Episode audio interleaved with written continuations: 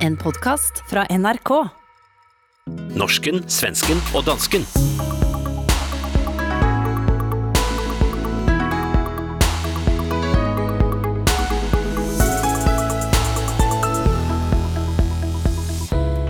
En svensk rapper er tiltalt for å ha kidnappet en kollega, mens Erna Solberg politietterforskes for å ha spist sushi på Geilo. Dansk dokumentar Mannefall sætter søkelyset på den voksne gruppen med mænd, som lever alene.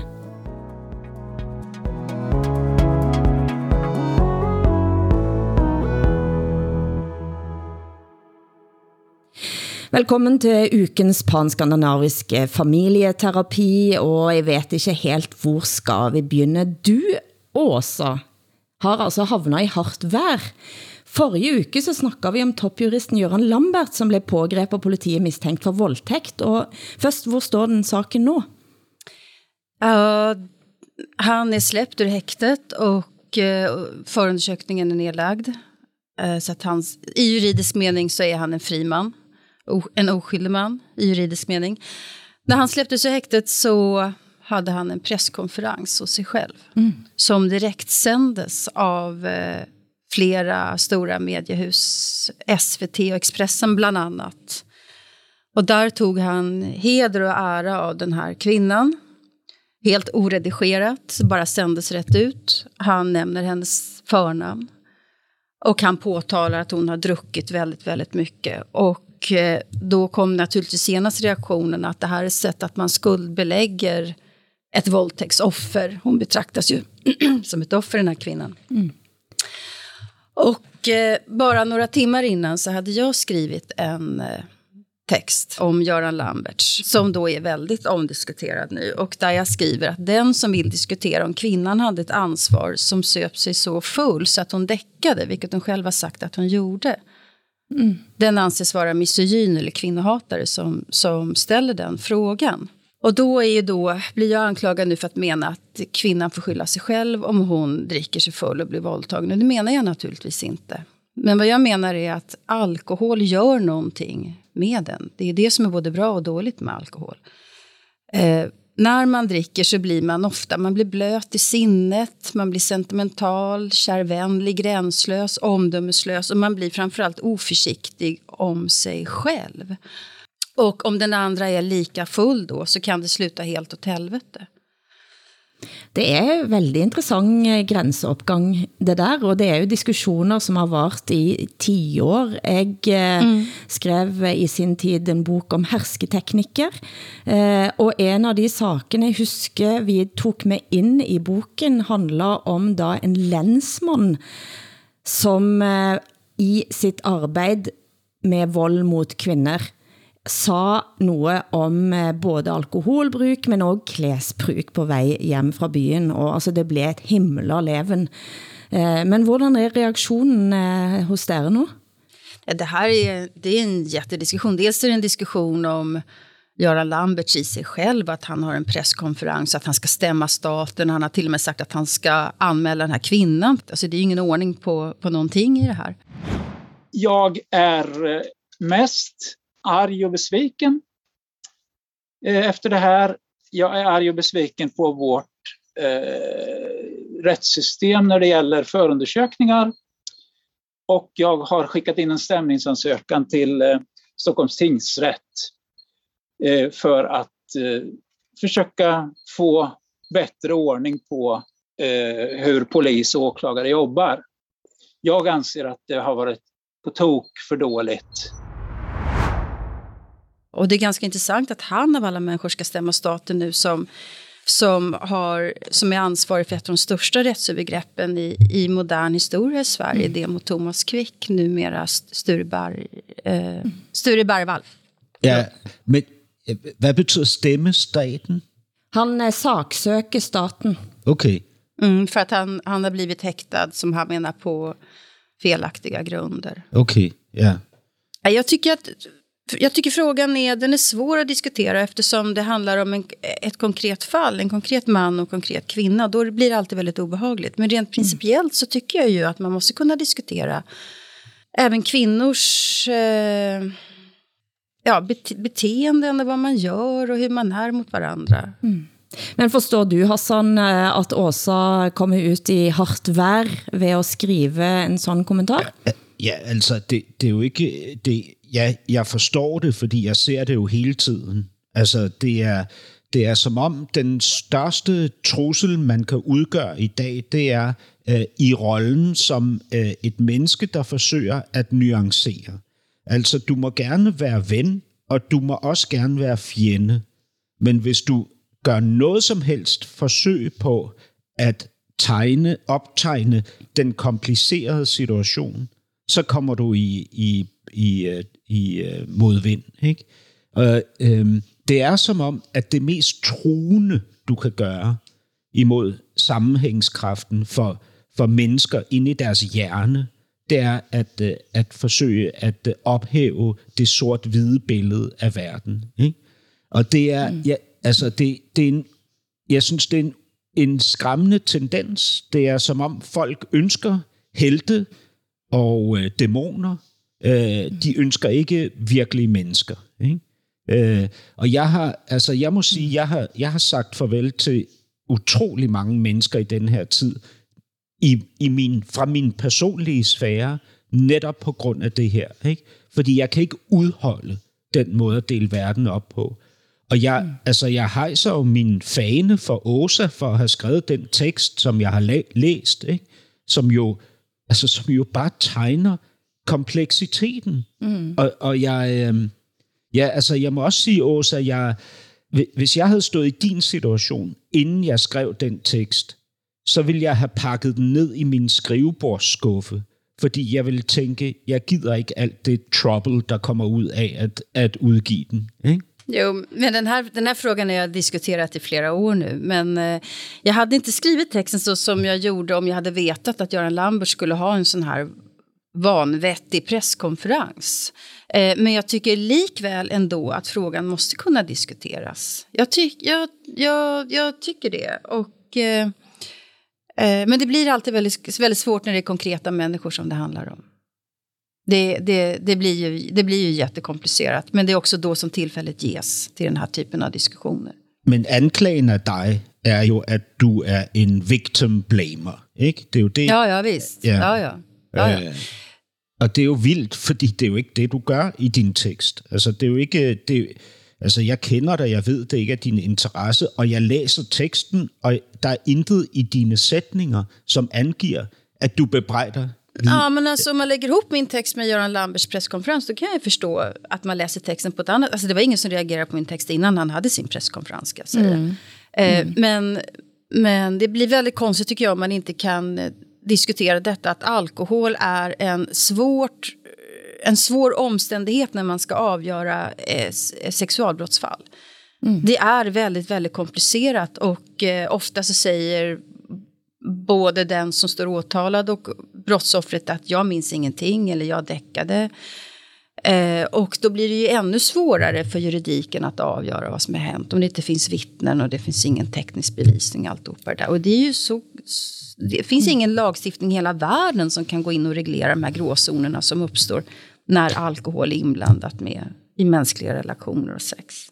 Det er svårt. Og så især i denne her neopuritanske tid, vi lever i, ikke? så er alkohol jo, øh, altså det er jo en drik fra helvede. Ikke? Mm. Fordi den, den kan jo kun give dig problemer, når vi, når vi nu skal dømmes på, på det offentlige alter øh, dagligt, ikke? for alle mulige forbrydelser. Mm. Men eh, ja, båda har ju naturligtvis ansvar för att de drack så himla mycket. Och det mm. låter så moraliserande från min sida, men, mm. men alkohol är problematiskt faktiskt. För att det förändrar, det förändrar oss. Och man ångrar sig dagen därpå. Om man dricker för mycket. Over til en norsk krim og en anden, som er muligens eh, angre sig. Eh, politiet utreder Erna Solberg efter fødselsmiddag, da hun fyldte 60 år. Danske TV2 News sin Norden-korrespondent Jesper Sølk er på saken. Ja, vi skal tilbage til slutningen af februar, hvor Anna Solberg hun skal fejre sin 60-års fødselsdag. Det vælger hun at gøre sammen med familien. Det, der er tale om, det er to aftener. Vi skal lige skille de to aftener ad, fordi det bliver ret afgørende, når vi sådan kommer, kommer frem i historien her.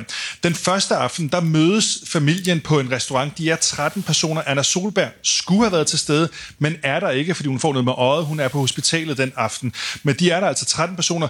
Lovgivningen på det tidspunkt siger, at du maksimalt må være 10 personer i et arrangement, for eksempel på en restaurant. Øh, det, som de så siger, øh, familien og det, der er kommet frem fra restauranten, det er, at de sidder ved tre forskellige borde med nogle meters øh, afstand, men det bliver stadig vurderet umiddelbart som, som et arrangement. Så er der den efterfølgende aften, hvor at øh, familien har lejet nogle øh, lejligheder, øh, og så mødes de så i den ene lejlighed, inklusiv statsminister Anna Solberg, og spiser sushi, og der er de på det tidspunkt 14 personer øh, samlet, og der er altså et øh, regelsæt, et meget, meget klar anbefaling om, at man maksimalt må være 10 personer i den kommune, øh, 5 personer i, i den kommune, hvor øh, Erna Solberg hun, øh, hun bor i, i Oslo. Men der er nogle anbefalinger, som statsministeren helt tydeligt sammen med sin familie her har, har brudt, og det er altså det, hun har fået nogle alvorlige problemer på øh, her i løbet af, af det seneste døgns tid. Dette havde du likt, om det var Mette Frederiksen, som havde gjort sådan. ja, men alene af den årsag, at jeg længes efter hendes menneskelighed. Ikke? Øh, man kan jo sige, at øh, Erna Solberg øh, i hvert fald i det mindste udviser en form for fejlbarlighed her. Ikke?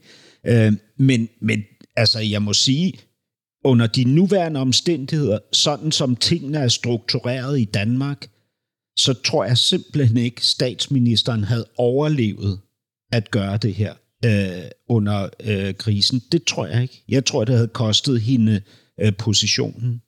Sverige også. Ja. Absolut, Sverige med. Og, og det virker jo som om Erna Solberg kan sige undskyld, og så kan hun få en bøde, øh, og så gå videre i øvrigt. Tilliten eh, har falt. 40 procent svarte ifølge VG at Solbergs smittevernbrud havde påvirket tilliten negativt. Mm. Men eh, Løven var ikke han også på handletur i julen, også som skapte lidt broduljer? Ja, han var inne på en, en, hos en urmakare eh, under julen. Men, men eh, man kunde inte påstå att han hade gjort något fel. De hade sett till att det var att det var distans i lokalen, han hade med sig sina eh, livvakter och sådär. Så att man, även en statsminister har ju rätt att handla på de premisser som faktiskt ändå är godkända. Mm.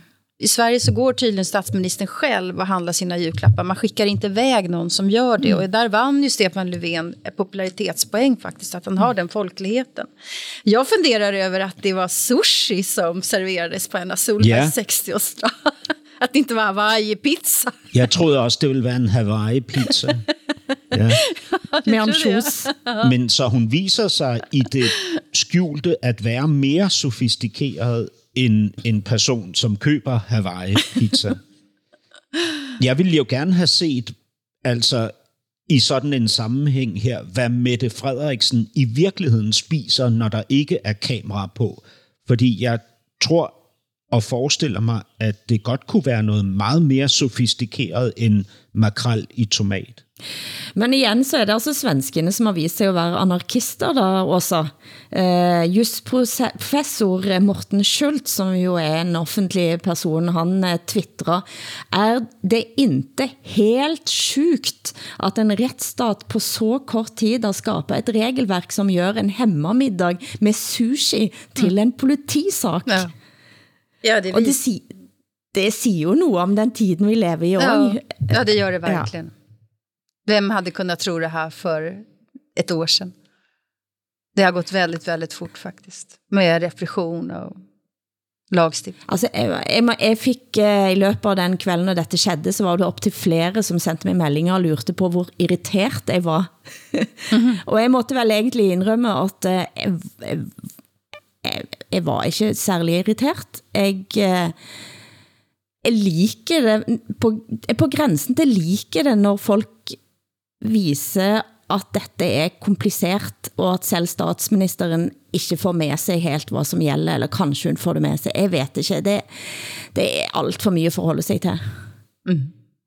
Men mer svensk krim. Yasin, som vi også har snakket om før, rapper, er mistænkt for kidnapp kidnappingsforsøk og grov vold.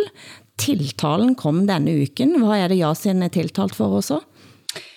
Ja, alltså på svenska tror jag att det är... Jag tror, på svenska tror jag det heter stämpling för våld, till våld. Nej, till kidnappning. Någonting sånt där. Att han har... Stämpling? Stämpling, alltså initierat eh, uppdraget. Kanske man kan översätta det med. Mm. Han är alltså medlem i ett av Sveriges största gängkriminella sammanslutningar. Som är med rätt, eh, rätt hård kriminalitet. Som de är nu åtalade för. Och bara några timmar innan han åt, eh, domstolen eh, drog igång så vann han pris som årets artist på P3 Guld. Och då kommer ju naturligtvis eh, de politiska reaktionerna på en gång. Socialdemokratiska ministrar i regeringen, de menar att det här är förskräckligt och så vidare. Och ska plocka populistiska poäng på det här. När de gör det då, så om vi bara vill ha moraliskt eh, oantastliga artister så får insnävas ju... Eller politikere. Eller politiker, just det. Så snävas ju offentliga rummet in ytterligare. Men eh, gränsene er ulike. I Danmark så er det nu en sak om en dame, som ikke får indvilget statsborgerskap, fordi hun ikke oplyste om, at hun havde fått fartsbot. Har du fått med dig den saken også? Ja, Katrina Kure er ikke dansk på papiret. Hun kan ikke få sit danske stats statsborgerskab, fordi hun har fået en bøde for at køre 16 kilometer for stærkt. Øh, og så har hun så det problem, at hun faktisk kan risikere at blive anklaget af staten for at have givet usande oplysninger i sin ansøgning om dansk statsborgerskab, fordi hun ikke har skrevet, at hun er kriminel. Mm. Øh, og det er fordi, at i en statsborgerskabsansøgning, der bliver en fartovertrædelse på motorvejen betragtet som en kriminel handling.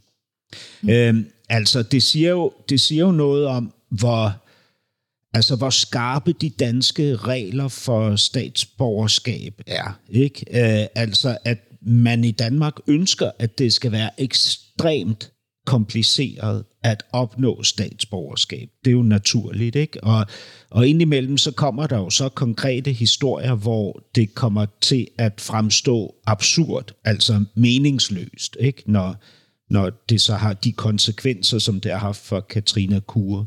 Jag blir så förvånad när, jag, när vi pratar om, om Danmark, vilka hårda straffsatser ni har. Alltså förra veckan så pratade vi om den här kvinnan som riskerar två års fängelse för att hon eh, hade varit ohörsam mot polisen under den här demonstrationen med Men in Black.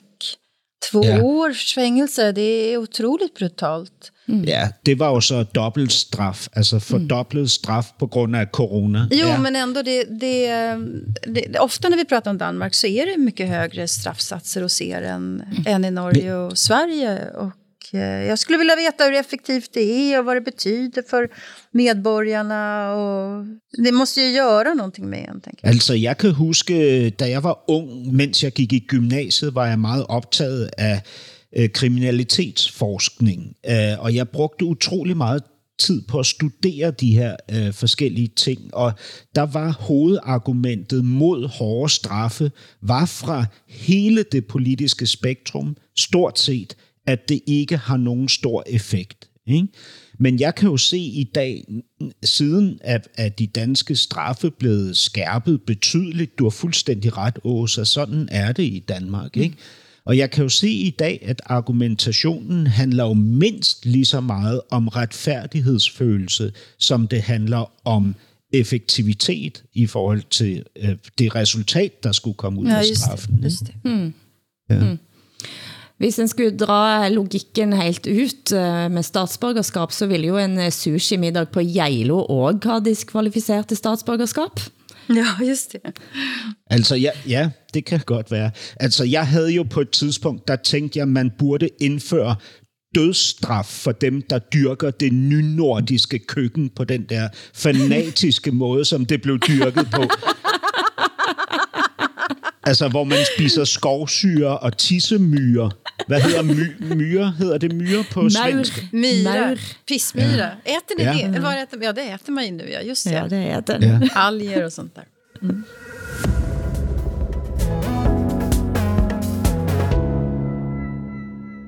En lytter bet sig også mærke i diskussionen vi havde rundt retssaken med IS-kvinde i Norge. Han skriver, jeg festet mig ved, at din svenske kollega er overbevist om den norske IS-kvindens optræden må være straffbar. Retten til forsamlingsfrihed gør, at Sverige omtrent som eneste land i Europa ikke har en straffebestemmelse, som rammer deltagelse og medlemskab i terrororganisationer. Men dette er det nu en parlamentarisk komité i Sverige, som er overens om at gøre noget med også. For de ønsker at forandre grundloven. Mm. Ja, fast jag, Eh, ja.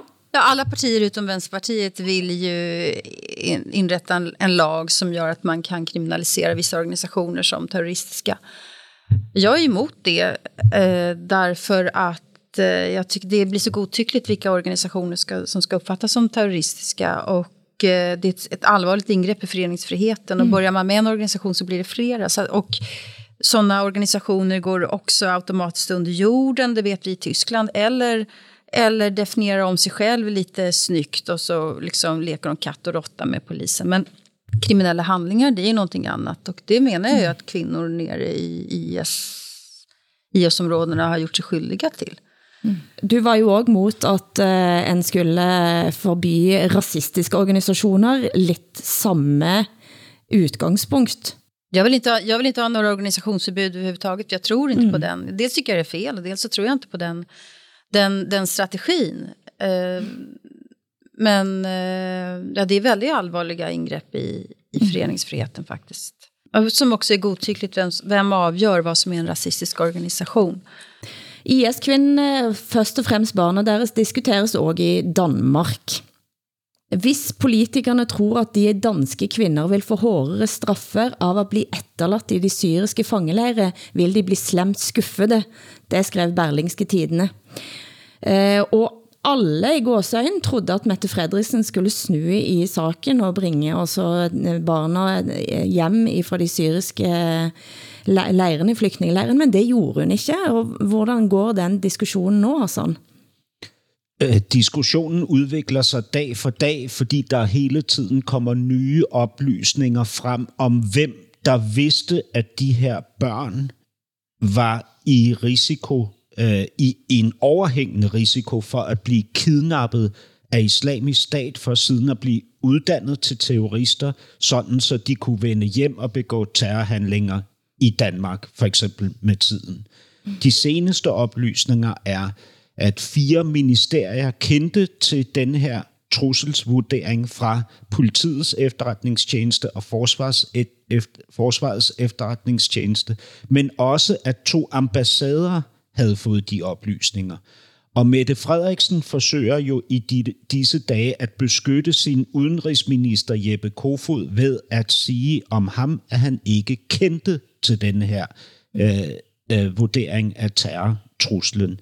Men det, det ser mere og mere ud som om, at den strategi ikke kan lykkes, fordi det virker jo abstrakt, at et øh, udenrigsministerium skulle kende til det her øh, og informere sine ambassader, uden at udenrigsministeren har hørt noget som helst om den her sag. Ikke?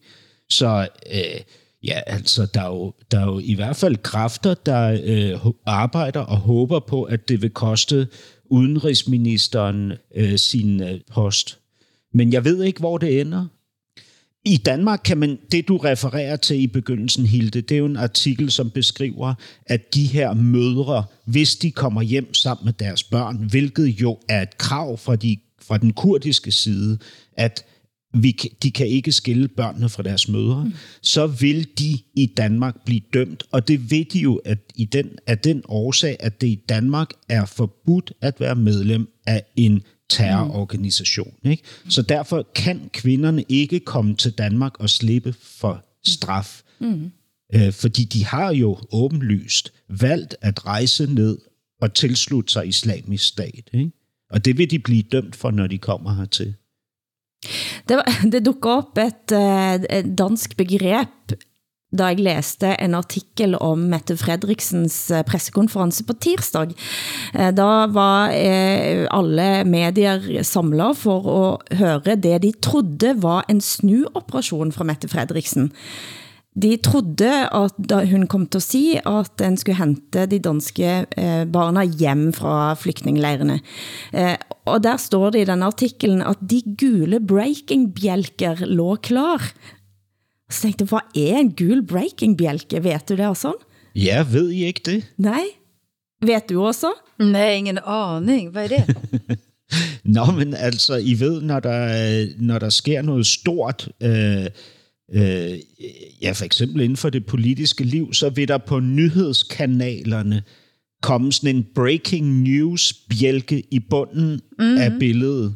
Mm. Og den hedder ah. en, en gul breaking bjælke. Men jag så, det är så ovanligt att ni har ett danskt ord för någonting sånt. Ni har ju så många Nej, det var breaking, bjälke. Breaking. Men bjälke är väl ändå nordiskt? ja, men inte breaking. Men gud. Nej, det var, nej, det var någon... På, på norsk tror jeg, det vil, vil hedde en alarmstav.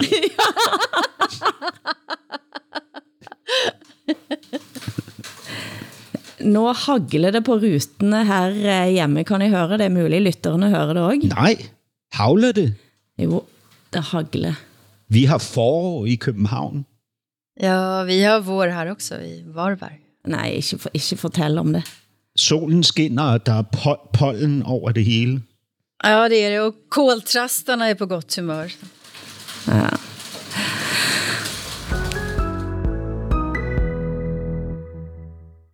Skal vi tro en pågående debatt i Danmark, så føler kvinder sig stadig mer utrygge. Et brutalt mord på en britisk kvinde har sat ild til debatten, og hashtaggen Text me when you're home har trendet. Eh, hvad er denne hashtaggen, Hassan, og hvordan går denne diskussionen? Altså, det er jo en frygtelig begivenhed, den her i England. Det er jo så, altså, så, så brutalt og så øh, chokerende, som det overhovedet kan være, at den her unge kvinde nu, at det viser sig, at hun med sandsynlighed blev slået ihjel af en politibetjent. Ikke? Altså, øh, altså, det er jo helt gakket, det her, der er foregået, og, og meget uhyggeligt. Øh, ja, og det, har, det er jo så... Øh, jeg skulle til at sige, ligesom alt andet i denne her tid, så har det jo så skabt en en tsunami af reaktioner. Ikke? Altså i England er der store demonstrationer, som så er blevet fuldt op af en ekstrem øh, aktivitet på, på de sociale medier i Danmark, hvor netop det her øh, hashtag er blevet, øh, er blevet samlet op. Ikke? Text me when you're home. Danske debattører, politikere, mænd og kvinder rapporterer om øh, hvordan de henholdsvis går med nøglerne mellem deres knytnæver for at beskytte sig mod potentielle overgrebsmænd, når de går hjem om natten, eller fortæller om deres døtres angst, øh, som de som fædre har meget svært ved at håndtere. Altså det er øh, altså en, endnu en intens øh, debat, der øh, er blevet udrullet. Men voldtægt diskuteres også i Sverige nu. Hela tiden, ja. Jag är just inblandad i en sån diskussion. ja, men eh, brottsförebyggande rådet, alltså BRÅ, har kommit med uppsiktsväckande tal. Och vad säger de? Ja, de här siffrorna har ju inte fått någon uppmärksamhet jämfört med hela den här frågan om Göran Lamberts kan jag säga. Men eh, de visar att eh, utrikesfödda är kraftigt överrepresenterade när det gäller våldtäkt. Och det här är ju oerhört, oerhört svårt att prata om. Därför att om man gör det så skuldbelägger man hela, hela grupper. Och lite grann också för att vi i Sverige har en idé om att så fort man kliver över gränsen till Sverige så får man också svenska värderingar och den svenska, svenska lagstiftningen i, i ryggen. Eller, mm. eller eh, den svenska progressiva synen på jämställdhet och sådär. Så funkar det ju inte riktigt. Men... Eh, jag vet inte varför de, är, varför de är överrepresenterade. Men om vi vet vilka det är det handlar om så är det i alla fall lättare att försöka göra någonting åt saken. Alltså, detta har varit en stor diskussion i Sverige länge om man i det hele taget skulle måle på den måten. I 2018 2018 gik Uppdrag granskning på SVT, tilsvarende norske brennpunkt. Jeg vet ikke helt, hvad det heter i Danmark. Men det gik gennem altså over 800 svenske voldtægtsdommer fra 2012 til 2017 for at kartlægge, hvor gerningspersonen var født. Og dette måtte journalisterne gøre selv, fordi den myndigheten, som havde ansvar for den type statistik, altså BRÅ, ikke publicerte disse tallene. Og vi kan høre et utdrag fra dokumentaren her. Jag vill ha statistik på brottsutvecklingen i Sverige där nationaliteten på de som går brotten, som i alla andra länder i världen, ska kunna anges. Staffan Danielsson hör till dem som kräver att Brottsförebyggande rådet ska kartlägga brottslingars nationalitet. Det är en myndighet med uppdrag att sprida kunskap om brott i Sverige. Vi har en enorm statistik på arbetslösheten och hur den är fördelad på olika grupper, invandrare och svenskar och alltihopa i detalj och nationalitet. Men just på brott, det är bara här som man säger att här ska vi i Sverige inte föra någon statistik och offentliggöra på den alltså. Eh, här handlar det, tror jag, om att det finns grupper som gärna, gärna vill kasta skulden på invandrare för allt möjligt. Til slut hørte vi justisminister Morgan Johansson fra en riksdagsdebatt om tema i 2017.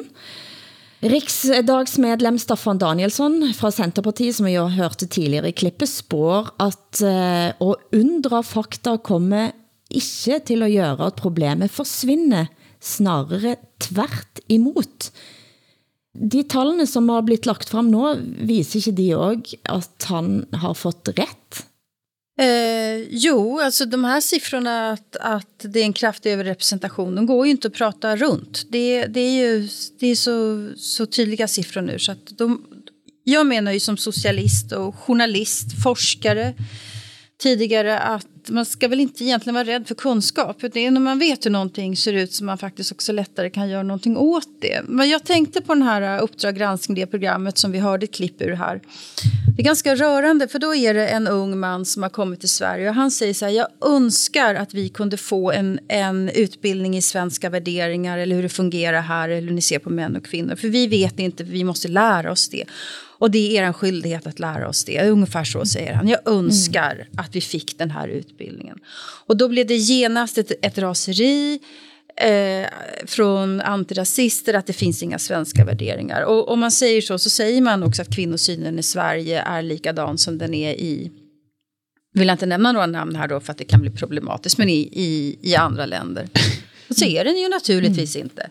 Uh, och, uh, och det är klart att det finns svenska värderingar i den meningen att vi har en lagstiftning som, som är väldigt progressiv när det gäller uh, kvinnors rättigheter och sådär. Den är en, en av de mest progressiva i världen. Och det här är något som vi har diskuterat oss fram till här i Sverige under många år. Så här har vi det här. Och, och så ber de om att få den här utbildningen och så säger antirasist, det finns inga, det finns, finns inga mm. sådana värderingar att lära ut. Alltså det är ju, det är ju, det är ju att binda ris för egen rygg skulle jag säga. Ja, altså prøv at høre, det her er jo, det er jo et emne, som indeholder øh, jamen, altså to øh, sprængfarlige øh, øh, elementer under et. Altså, vi taler jo om raci- potentiel racisme og potentiel sexisme i det her. Ikke? Og, og det gør jo også, at jeg sidder med hjertet op i halsen lige nu og holder igen øh, fra at sige noget. Ikke? Øh, ligesom du jeg kan mærke på dig, at du også gør, Åsa, at du ligesom øh, ikke engang vil nævne et land, som jo kunne være en statistisk øh, rimelighed at gøre, ikke? Men, men det gør vi så ikke, fordi vi, vi er nødt til at være forsigtige, fordi vi ved, at det fører til en kategorisering, ikke? en stempling og siden sikkert et forsøg på udskamning, hvis man siger noget om det her. Ikke? Men jeg vil alligevel tillade mig at sige, at jeg, jeg, jeg synes, der er nogle problemer i det her. Ikke? Altså, øhm, jeg, jeg er ikke interesseret i noget som helst hashtag eller not all men. Det er simpelthen ikke det her, det som det handler om for mig. Det som det handler om for mig, det er, hvad er det, vi opdrager mennesker til at frygte i forhold til, hvad der reelt er at frygte. Ikke?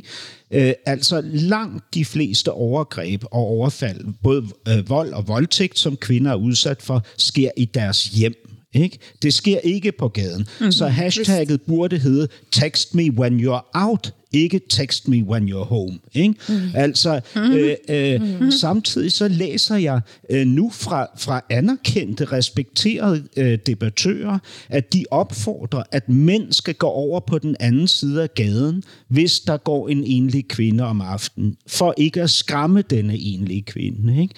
Det, hele den her debat, ikke? den går direkte op imod, hvad jeg har lært, at jeg skal opdrage mig selv og mine børn til. Altså at se reelt og realistisk på virkeligheden, og siden danne mig, eller lade dem danne sig et, et, øh, et sandsynligt øh, scenarie. Ikke? ikke et usandsynligt scenarie. Det er jo sådan nogle kognitive processer, man gennemgår hele tiden. Ikke?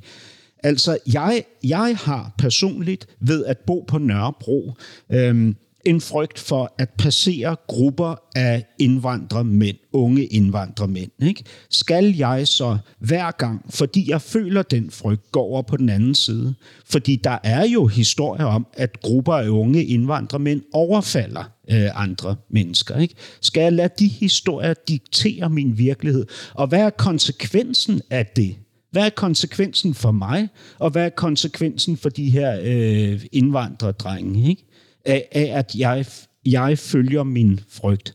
Jeg, jeg synes det, og så, og så mm. på det andet område, ikke, som handler om racisme, så har vi jo Danmark, i Danmark en racisme, en indvandringsforskning, eller en racismeforskning, ikke, som er så politiseret, at, at de rapporterer forskerne fra indersiden anonymt, at man ikke kan udtale sig ud fra statistikker og tal, fordi hvis statistikker og, og, og tal viser sig at være demoniserende, så vil man blive stemplet som racist. Ikke? Jeg kan læse op fra en, ja, en kronik, der var i, i weekendavisen, så kan jeg meget kort rapportere, at hvis vi skal finde en troværdig indvandrer, eller indvandringsforsker, så bliver vi simpelthen nødt til at kræve af ham eller hende, at personen er parat til at gøre alle sider af det politiske spektrum lige utilfredse. Både højrefløjen, den progressive venstrefløj og selv indvandrerne. Ikke? Vi er simpelthen nødt til at tillade os selv at kigge på tallene og rapportere øh, nøgternt og savligt ud fra, fra de tal. Ikke? Mm. Men, men det går jo på egentlig det du indleder med at snakke om også, altså kompetensen, hvad gør eh, alkohol med dig, vil gøre at du eh, kanskje tar nogle valg i livet ditt. Uansett hvilken udfordring man støter på, så er det mye bedre at vite kilden, eh, som du snakker om her. Altså det handler jo om at være ganske nøgtern og rolig og saklig i vurdering, før en også blir frygtsom. Men det hänger ju sammen detta. Verkligen. Jag känner mig, jag blir så himla, jag blir så himla ledsen varje gång som man pratar om vad utrikesfödda, hur de är och vad de gör. Mm. Alltså jag blir så ledsen, oavsett om det finns statistik på det eller inte, så, så blir jag så nedstämd. För att hur, hur det nu än är så spelar de här diskussionerna alltid högerpopulisterna i händerna. Mm. Samtidigt så det kan inte vara ett skäl att inte prata om det som är, som är, som är svårt. Det är, en, det, är en, det är en övning helt enkelt att göra det. Och det är den övningen som jag tycker att antirasister och eh, den vänster som jag själv kommer ifrån är dålig på at gøre. Mm.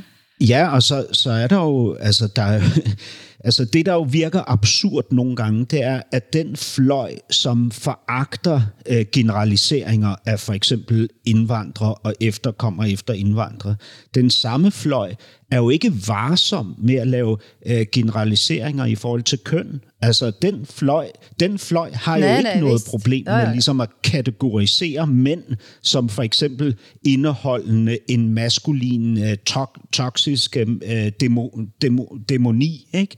eller at beskrive øh, hele vores system som et, øh, et patriarkat, hvor alle os med en pik mellem benene nyder øh, ekstremt fantastiske, vidunderlige privilegier. Ikke? Altså, ja, strukturel racism er jo også en generalisering, kan man sige. Mm, ja, og, og Ja, hvis jeg bare lige må... Altså, øh, den, nu nævnte du i vores intro, uh, Hilde, uh, den her uh, dokumentarserie fra Danmark, der hedder Mandefald, som både bliver spillet i Norge og i Sverige. Ikke? Altså, i den, der, der, der viser de, de, de enormt triste, deprimerende tal, at halvdelen af de ufaglærte mænd i Danmark lever som single mænd. Ikke? En tredjedel af ufaglærte mænd i Danmark får aldrig nogensinde et barn. Og jeg siger ikke, det er nogen som helst øh, mænds krav eller rettighed at have en partner og få et barn. Jeg siger bare, at der er nogle ret vilde tal her. Ikke? Som, Vad sa du? En, tre- vad sa du? En tredjedel av alla danska män blir aldrig pappa. af alle ufaglærte danske mænd. Mm. Ufaglærte, altså øh, som har lav uddannelse. En tredjedel av mænd med lav uddannelse får aldrig barn. Är det sant? ja, det er jo de tal, som bliver Ah, men vist gud vad i... intressant. Då hänger altså klass och möjligheten att reproducera sig intimt samman plötsligt. Ja, Jo, men jeg siger Oj. bare...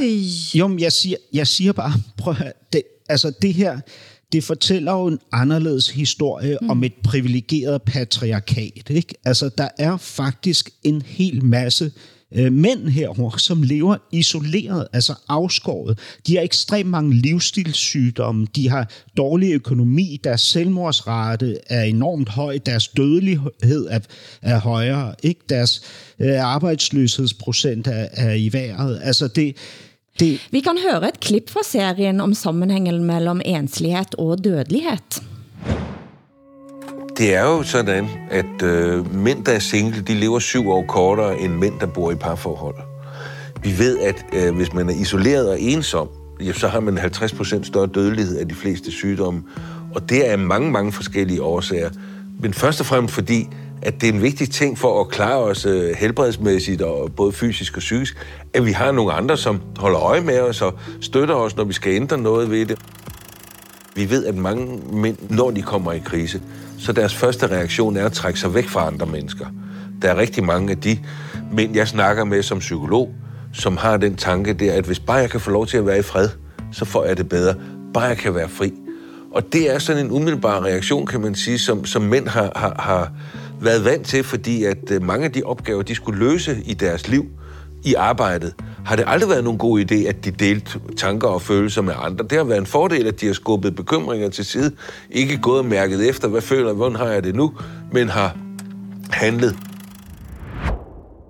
Her hørte vi Sven Åge Madsen, forskningsleder på Mænds Liv og Sundhed ved Rikshospitalet, spørge sig og om eh, vi ser en slags omkalfatring her eh, av kønnene, og hvad, hvad tænker dere? Jag, jag är helt chockad faktiskt över den här siffran att en tredjedel av alla lågutbildade män aldrig kommer att bli föräldrar. Att klass och reproduktion hänger så intimt samman, det har det aldrig gjort förut, det kan jag säga direkt. Det här är ett sånt trendskifte och det är, det är, det är, det är klart att det gör någonting med de männen. Det är klart att det händer någonting med dem, i deras psyken. Det är väl inget konstigt alls. Men det, men det er jo også det, altså hvis man virkelig interesserer sig for, for det intersektionelle, ikke? Ja. Hvorfor, hvorfor, Magthierarki altså, tænker du på, sant? hvorfor griber det så ikke om den, om den her øh, ekstremt store, øh, øh, meget, meget pre- pressede gruppe mm. i en befolkning? Altså hvorfor er den eksklu- ekskluderet fra mm. omsorg? Ikke? Det, det forstår jeg simpelthen ikke. De har, de har inga resurser och inte heller någon som, som håller om dem och tycker om dem och älskar dem. Og så Andre- ud, det, så, øh, så, øh, altså, så bekræfter de her fortællinger, som de jo kommer med i den her serie, bekræfter øh, en forestilling, de har om, at det er ydmygende mm. at leve, som de gør. Ikke? Så de har både en, et elendigt liv, og de skammer sig over at, at have et elendigt liv. Ikke? Og det er, altså, det er en voksende gruppe i det danske samfund. Ikke?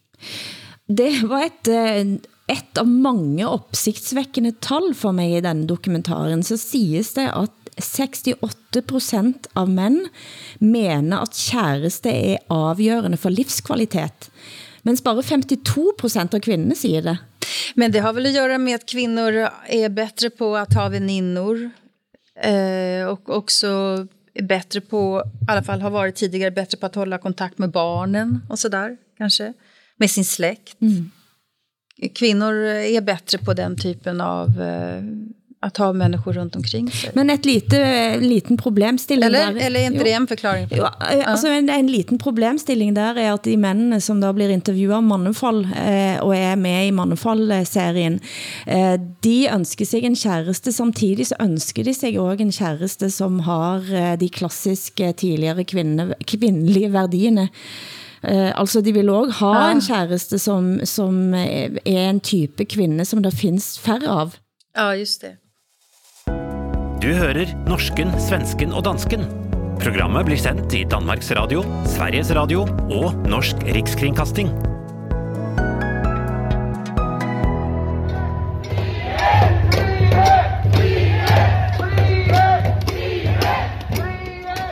Det vi hører her er lyden av demonstranter som går på Karl Johan i Oslo. Det var lørdag forrige uke, og de roper frihet. Det er underforstått fra coronarestriktioner. I udgangspunktet kunne jo det vært en demonstration, jeg fint kunne gått i hytter neven og rope for friheten, men så er det bare ikke akkurat denne type frihet jeg vil eh, kæmpe for. Eh, det jeg ønsker at snakke om er at det kan virke som om demonstrationerne har et stadig vildere budskap. Om vi har tidligere været inde på begrebet diagonalisme, der en eh, før så højre ekstremister versus venstre radikalere, så ser det nå stadig større grad aktivisme på kryds og tværs av den politiske aksen, samlet om et fælles mål. Vi ser utslag hver eneste uke. Den norske konspirationsforskeren Jons Færseth, som har fulgt demonstrationerne tæt, siger, at nå er også antisemitismen kommet ind. Hvad tror der er grunden til, at dette opstår nu, denne diagonalismen?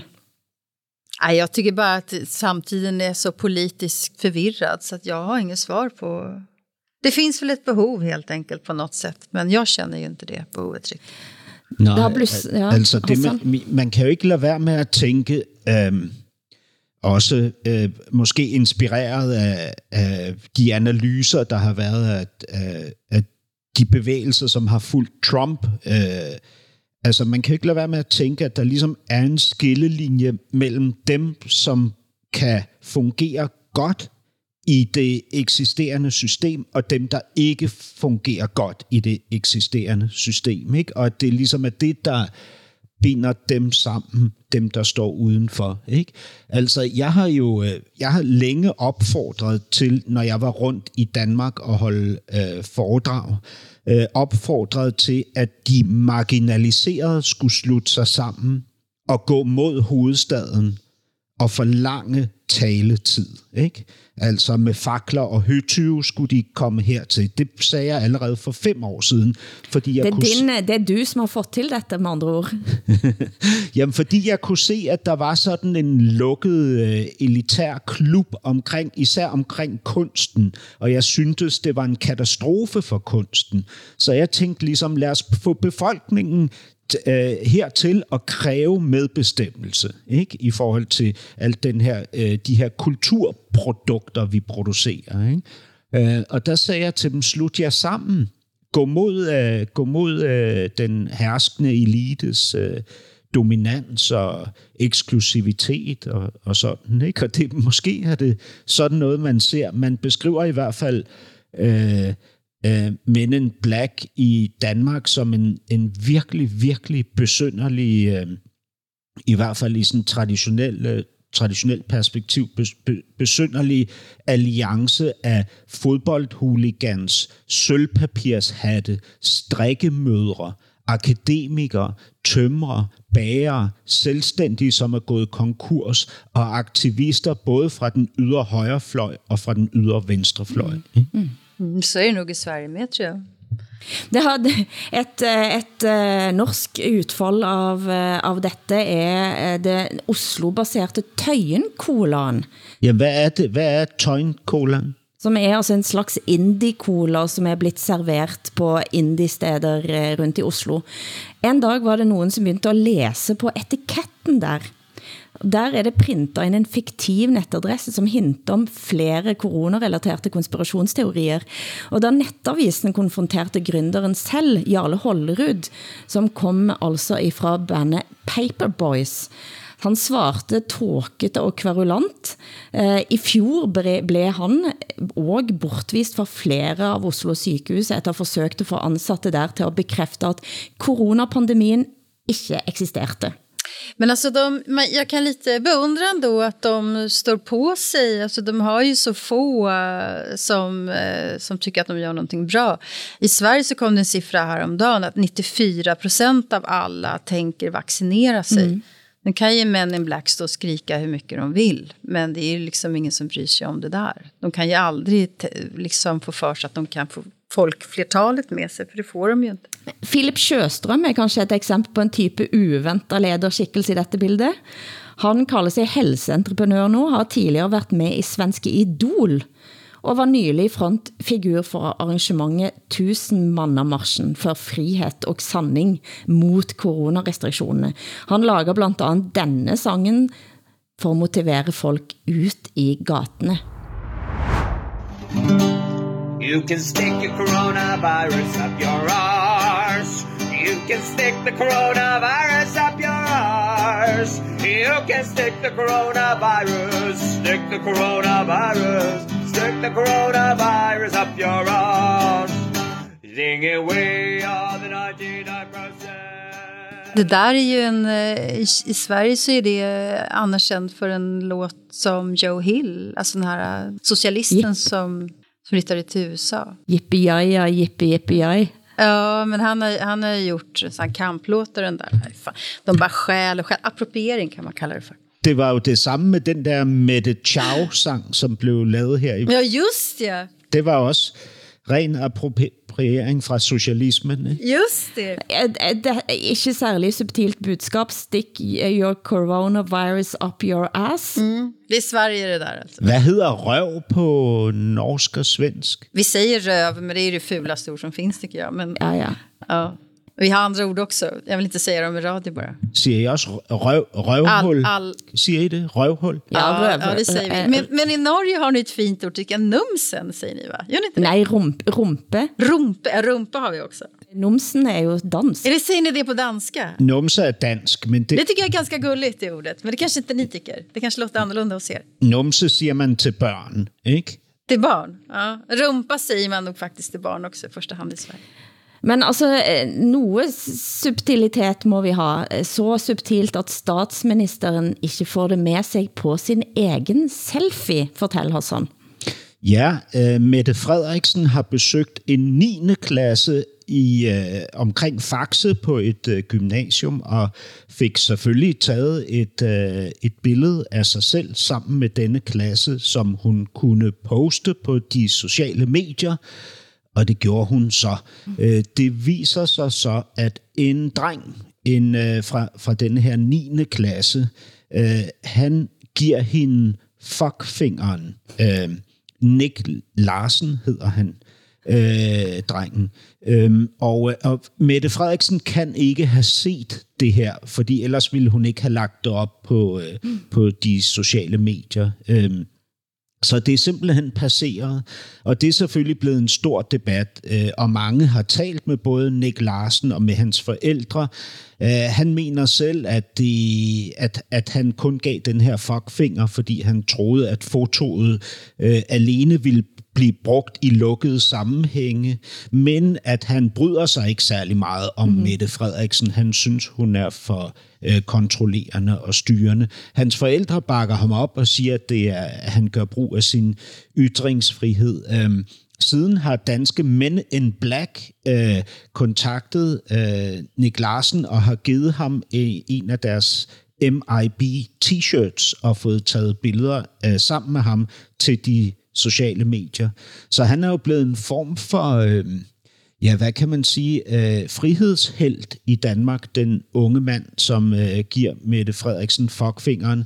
Og Mette Frederiksen har været fuldstændig tavs omkring det her på de sociale medier, øh, selvom billedet stadig ligger derude, så I kan jo i Norge og Sverige gå ind på Mette Frederiksens øh, Facebook-profil for eksempel, og se billedet af Nick Larsen, som giver vores statsminister en fuckfinger.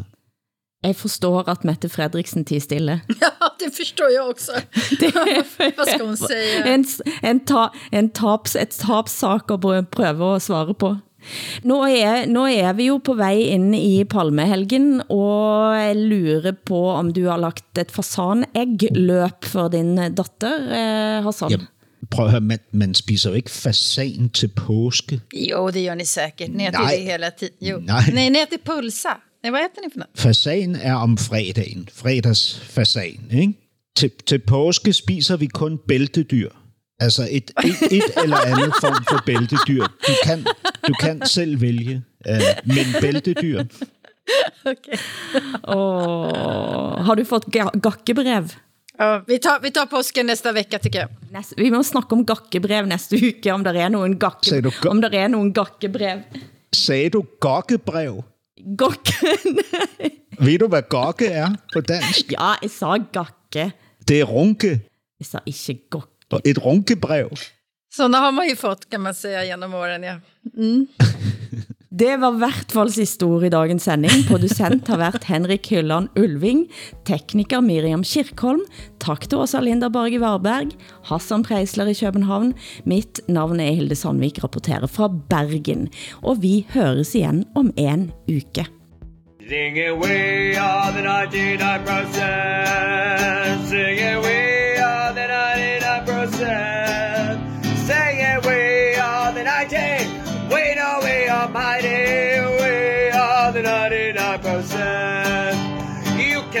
your poison vaccine up your arse. You can stick your poison vaccine up your arse. You can stick your poison vaccine, stick your poison vaccine, stick your poison vaccine up your arse.